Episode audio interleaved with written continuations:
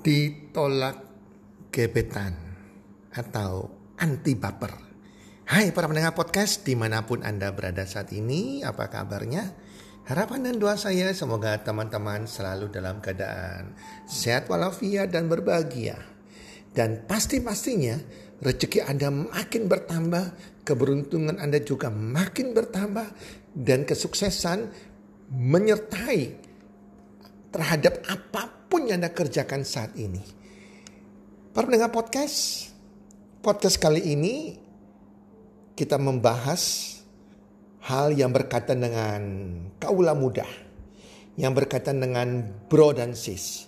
Sebuah topik yang sangat-sangat menarik, yang di mana kita akan membahas tentang bagaimana jika ditolak gebetan kita atau bagaimana Anda bisa menjadi orang yang anti baper. Banyak kan anak-anak muda sekarang begitu ditolak kebetannya, diputusin pacarnya, jadi baper. Nah kali ini kita belajar bagaimana Anda menjadi seorang yang anti baper. Dan yang membawakan seorang anak muda yang luar biasa yaitu Bro Eka. Oke, Bro and Sis kita dengar sama-sama. Bro Eka. Halo semua, pada kesempatan kali ini kita akan membahas tips-tips bagaimana menjaga hati kita ketika kita ditolak sama gebetan. Nah, teman-teman, siapa di sini yang dalam bulan ini atau dalam tiga bulan terakhir pernah ditolak sama gebetan? Ayo coba angkat tangan. Saya nggak tahu ada berapa, tapi kalau misalnya kalian dengerin podcast episode ini itu tentu bukanlah suatu kebetulan. Semoga apa yang yang hari ini kita sama-sama belajar hari ini itu benar-benar bisa menguatkan kehidupan teman-teman sekalian ya. Nah, jadi pada saat kita ditolak, kita ini kadang merasa apa? Emosi apa yang kalian rasakan? Mungkin bisa aja marah, kecewa, sedih, tertolak, atau apa pun itu, itulah perasaan yang kalian rasain ketika kalian itu ditolak oleh gebetan. Tapi teman-teman tahu nggak bahwa penolakan itu adalah sebetulnya adalah hal yang wajar. Dalam arti apa? Sebagai contoh seperti ini. Kita contohkan seperti buah durian. Buah durian ini, ya kan, tentu ada orang yang sangat menyukai buah durian ada orang yang amat sangat tidak suka durian, sampai mencium baunya saja pun tidak senang. Nah, PDKT itu juga sama. Ketika teman-teman melakukan PDKT, itu adalah fase di mana teman-teman itu mulai membuka diri atau mulai mengenal antara satu dengan yang lainnya. Tapi pada fase PDKT itu bukan berarti dia sudah menjadi milik kamu. Dia itu bukan belum ada komitmen lah istilahnya, belum ada komitmen yang terbentuk.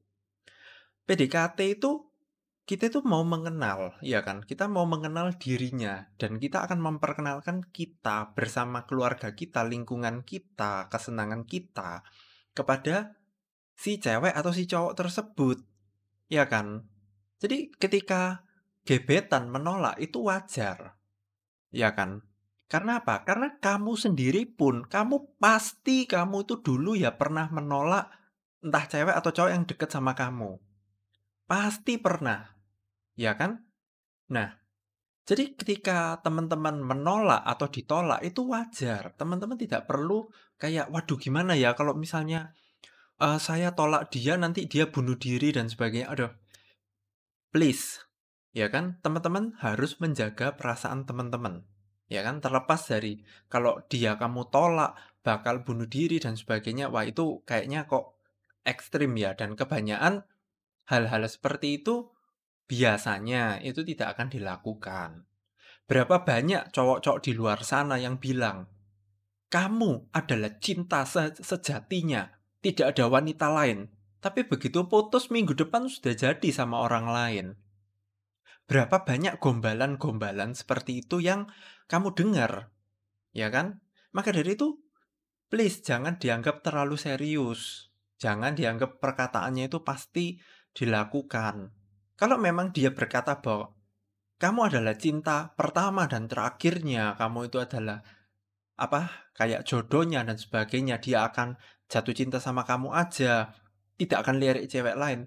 Belum tentu ketika kalian putus dia akan tidak menikah selamanya, belum tentu. Ya kan? Banyak kejadian cowoknya selang 2-3 minggu udah dapat gandengan baru. Nah, jadi pertama ya kan ketika saya mau memberikan pengertian bahwa ditolak itu adalah hal yang wajar, hal yang biasa, bukan sesuatu yang spesial. Nah, kenapa kok teman-teman ini bisa kena tolak atau menolak? Ya, pertama mungkin bukan tipenya, ya kan? Jadi kan kita nggak bisa memaksain orang itu untuk senang dengan tipe yang kita suka. Kayak contoh buah durian tadi. Saya suka durian, kamu belum tentu suka durian. Kamu suka makanan pedas, saya belum tentu suka makanan pedas. Jadi itu adalah hal yang lumrah, gitu loh. Jadi kedua, kita ini juga pernah menolak gebetan yang suka sama kita juga. Karena dalam hidup kita kan nggak mungkin kan kita dari dari TK katakan sampai kuliah sama sekali tidak ada cewek atau cowok yang suka sama kamu. Kan nggak mungkin gitu loh pasti ada terus kamu menolak oh kita temenan aja. Nah itu pasti pernah. Jadi kita sendiri pun juga pernah menolak gitu dan yang ketiga adalah setiap kali ketika Anda ditolak ambillah itu sebagai suatu pelajaran yang berharga. Mari kita sama-sama refleksi. Kira-kira kenapa sih kok hubunganku dengan dia tidak bisa berjalan dengan baik? Apa yang harus bisa aku upgrade, aku perbaiki? Karena ketika kita sedih akan hubungan yang tidak tidak berjalan, itu kadang akan buang-buang waktu dan tenaga. Kalau kita tidak belajar apa pun yang baru gitu. Nah, kalau misalnya nih, teman-teman udah pernah pacaran atau sedang pacaran, ya kan? Terus tiba-tiba si cewek ini dulunya padahal suka banget atau si cowok ini dulunya suka banget terus tiba-tiba kok menjauh dan minta putus, ya kan? Nah, itu bisa jadi, ya kan? Pasangan kita itu berubah.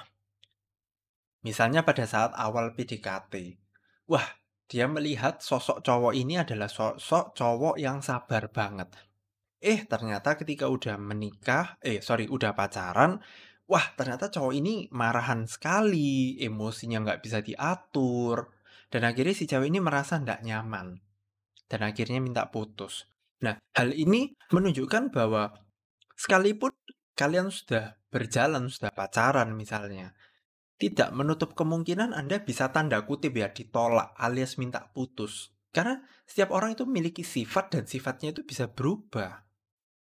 Ya kan? Anda bisa berubah, si dia pun bisa berubah. Dan kita ini harus mengetahui bahwa ketika seseorang menolak atau kita menolak itu adalah hak setiap orang. Jadi setiap orang ini memiliki kebebasan untuk menentukan yang namanya pilihannya. Dan kita harus menghargai yang namanya penolakan. Karena buat apa hidup dengan orang, ya kan? Yang mau sama kita, mau menikah sama kita misalnya. Tapi dengan terpaksa. Buat apa? Kalau misalnya dianya udah nggak mau karena sifat kita berubah dan sebagainya, kalau dipaksain, saya nggak yakin meskipun hubungan itu berlanjut, akan berakhir dengan bahagia. Karena belum tentu seperti itu loh. Jadi ketika cowok buat cowok-cowok nih, ketika kalian diputus sama gebetan, kalian coba tanya feedbacknya. Tapi Anda tanya feedback ini bukan dengan tujuan untuk kembali pada dia, tapi untuk menjadi su suatu pelajaran. Kira-kira apa sih hal-hal yang bisa aku improve gitu? Apa sih yang hal-hal yang dulu membuat kamu itu marah itu apa? Misalnya, cowoknya bilang, "Iya kamu nih orangnya terlalu agresif misalnya, terlalu gerusa-gerusu, selalu maksa telepon terus sampai malam misalnya, saya jadi, jadi capek nggak punya waktu, Atau misalnya ceweknya bilang, "Iya, lu orangnya terlalu suka gombal, dan apa yang lu gombalin gak kamu lakuin."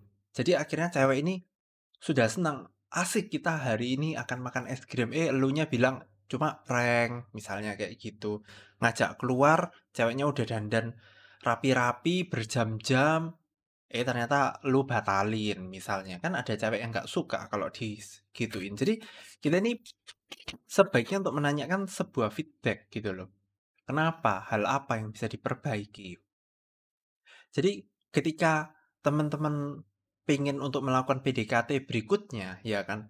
Ya teman-teman hanya mencari orang-orang yang suka dengan kepribadian teman-teman gitu loh. Karena tujuan daripada PDKT itu bukan untuk menutupi siapa dirimu, tapi untuk menunjukkan ya inilah diriku gitu loh. Ini diriku dan apakah kita ini bisa cocok apa enggak gitu loh. Nah, jadi kalau ada teman-teman yang merasa bahwa penolakan itu adalah resiko misalnya, atau sesuatu yang teman-teman nggak bisa hadapi, ketahuilah teman-teman, apa pun di dalam kehidupan itu selalu ada yang namanya resikonya. Teman-teman contohnya nih, ketika teman-teman ingin memulai suatu bisnis baru misalnya, tentu ada resikonya. Teman-teman olahraga misalnya, olahraga tertentu gitu ya. Itu mungkin ada sikut-sikutannya, ada bisa jatuhnya. Itu merupakan kayak sudah bagian dari resiko, sudah bagian dari ya kehidupan. Memang di dalam kehidupan ini kalau kita tidak mengambil resiko ya kita tidak akan jalan ke mana-mana. Nah, sekarang gini, buat para cewek ya, biasanya tandanya apa sih cowok itu serius gitu? Nah, cowok serius itu bisa dilihat dari tingkat konsistensinya kepada kamu.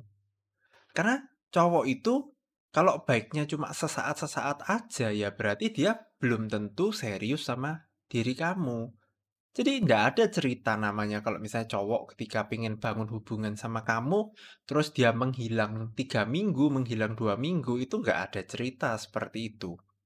Karena sesibuk apa pun si cowok yang sayang dan serius sama kamu, mereka pasti akan meluangkan waktu demi kamu. Nah, kayak gitu untuk bedainnya ya. Nah, terus kadang gini, cowok-cowok ya, ini kadang ini suka GR banget. Katakan gini, misalnya si cewek, ngenalin si cowok ini ke orang tuanya. Mungkin pada saat jalan-jalan di mall kayak atau pas di rumahnya dan sebagainya. Teman-teman, saya mau ingetin lagi bahwa dikenalin, kamu dikenalin sama orang tuanya, itu bukan berarti bahwa ceweknya itu sudah suka atau 100% serius sama kamu. Belum tentu. Karena di budaya-budaya keluarga tertentu, melakukan mem- apa mengenalkan baik cewek ataupun cowok ke dalam keluarga itu adalah hal yang biasa. Ya kita cuma ingin menunjukkan bahwa oh, mah ini loh temen aku kayak gitu. Kita cuma menunjukkan bahwa ini loh komunitas yang kita miliki ini ya baik, ya ini teman-teman yang aku sering pergi itu ya ini supaya orang tua tidak khawatir.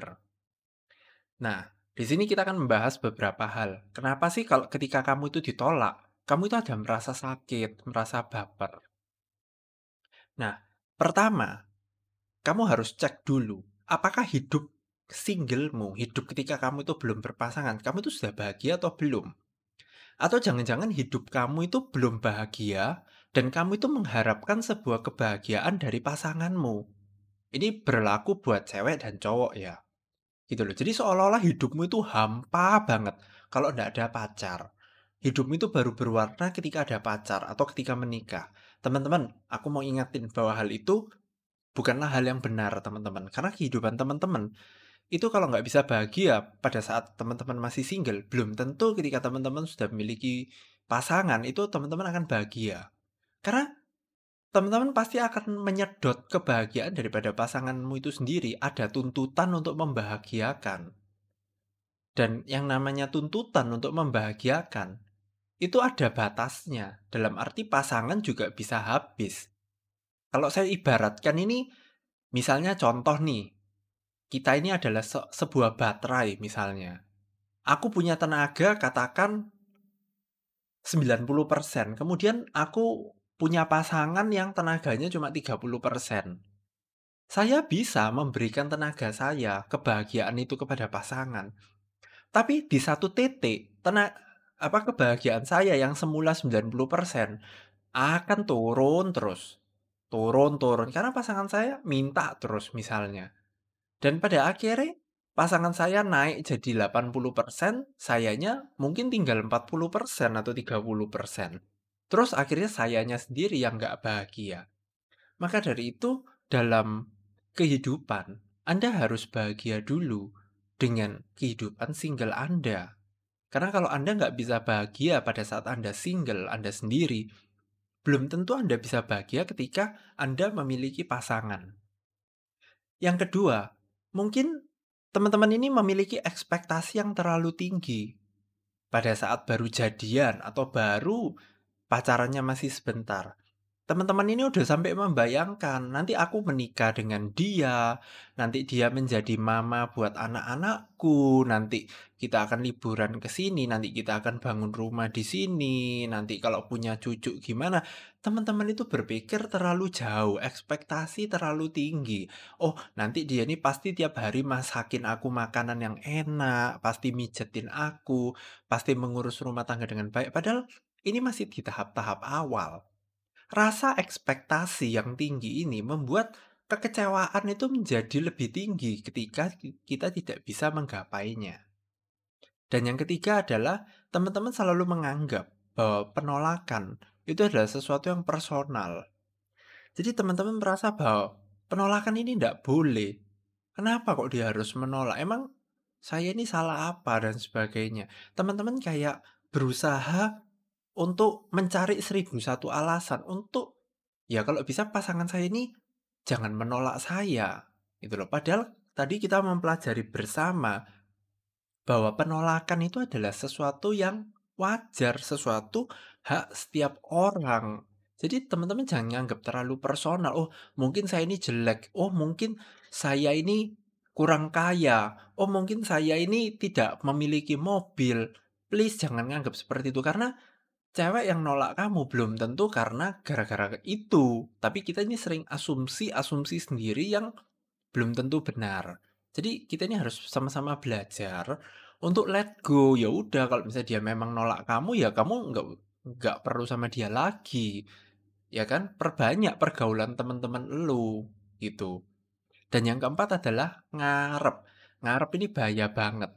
Ngarep ini istilahnya kayak bucin ya budak cinta ya teman-teman ya. Jadi teman-teman itu berusaha melakukan apa pun, berusaha menyenangkan apa pun, bahkan di luar batas kewajaran teman-teman, berusaha untuk menyenangkan hati si cewek. Padahal si cewek ini lagi nggak ada respon sama teman-teman, atau si cowok tidak ada respon sama teman-teman. Jadi akhirnya ya teman-teman akhirnya sakit, merasa sakit, merasa kecewa kayak gitu loh. Nah, jadi ketika hidup teman-teman belum bahagia, ya kan? Maka setiap orang yang teman-teman cari untuk jadi gebetan dan sebagainya, teman-teman akan expect dia ini menjadi sumber kebahagiaan teman-teman. Akan tetapi yang kita nggak sadari adalah, oh, yang namanya orang ya toh, nggak ada yang namanya tingkat kebahagiaannya itu unlimited teman-teman. Jadi pasti ada batasnya. Jadi kalau misalnya teman-teman tidak bahagia, teman-teman akan menyedot kebahagiaan daripada pasangan dan akhirnya pasangan itu jadinya nggak happy. Nah kalau misalnya uh, salah satu tidak seimbang kayak gitu nggak happy, ya akhirnya gimana ya? Akhirnya hubungan nggak akan bisa berjalan dengan lancar. Akhirnya kayak ada kesalahan-kesalahan kecil, sudah marah-marah, ya kan? Hal-hal sepele jadi hal-hal besar. Itu kan menunjukkan bahwa kehidupan teman-teman ini sedang tidak bahagia. Seperti itu. Nah, jadi kita kita nih misalnya ada teman-teman nih mau nanya nih, terus gimana nih biar kita waktu ditolak ya toh tetap elegan, tetap cool, kelihatan cool. Bukan kelihatan sedih, nangis-nangis, guling-guling kayak gitu ndak jelas.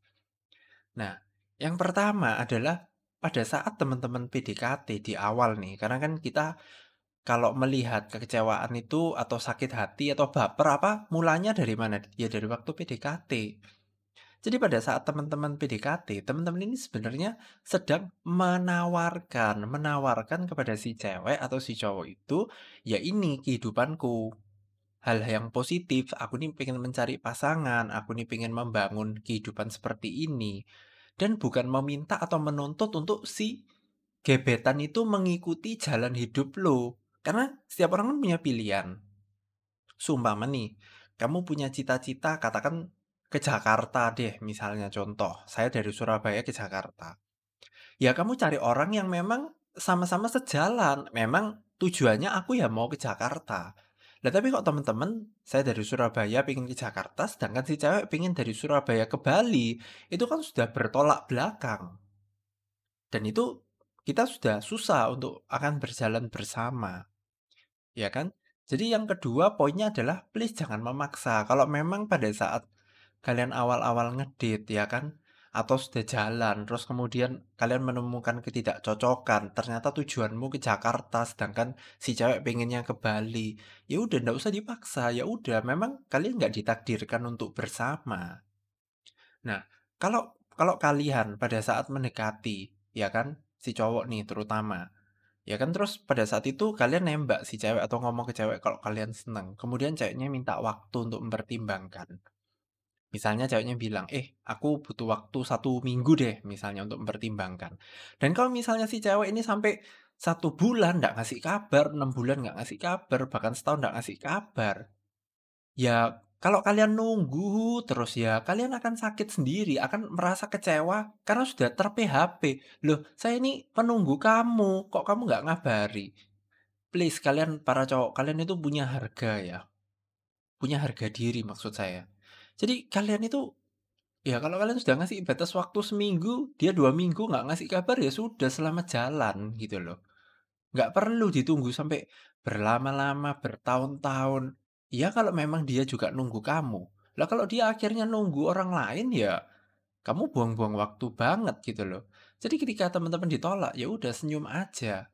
Ya udah bersyukurlah ini adalah jalan yang terbaik buat kita berdua kayak gitu.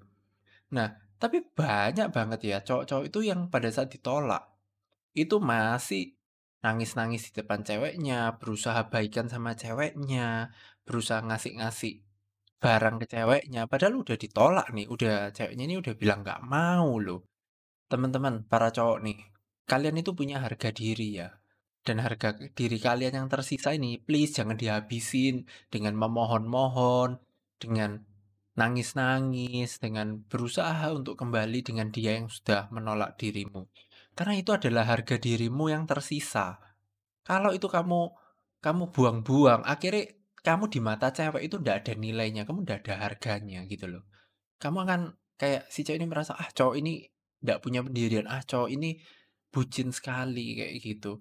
Please teman-teman.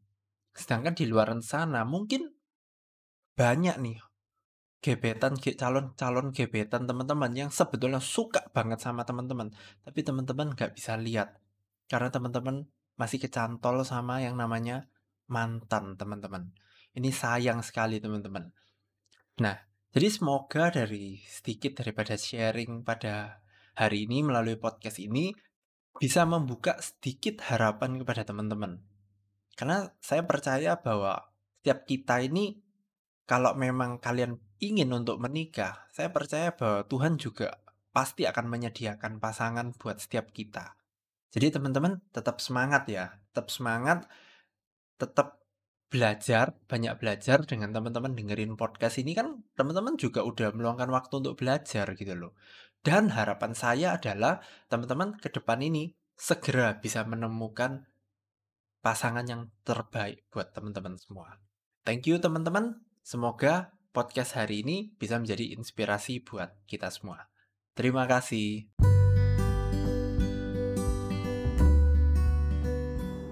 Terima kasih sudah mendengarkan podcast kami. Teman, jika Anda rasa bermanfaat podcast kami ini, Anda bisa menginfokan kepada rekan kerja Anda, keluarga Anda, teman ataupun sahabat Anda.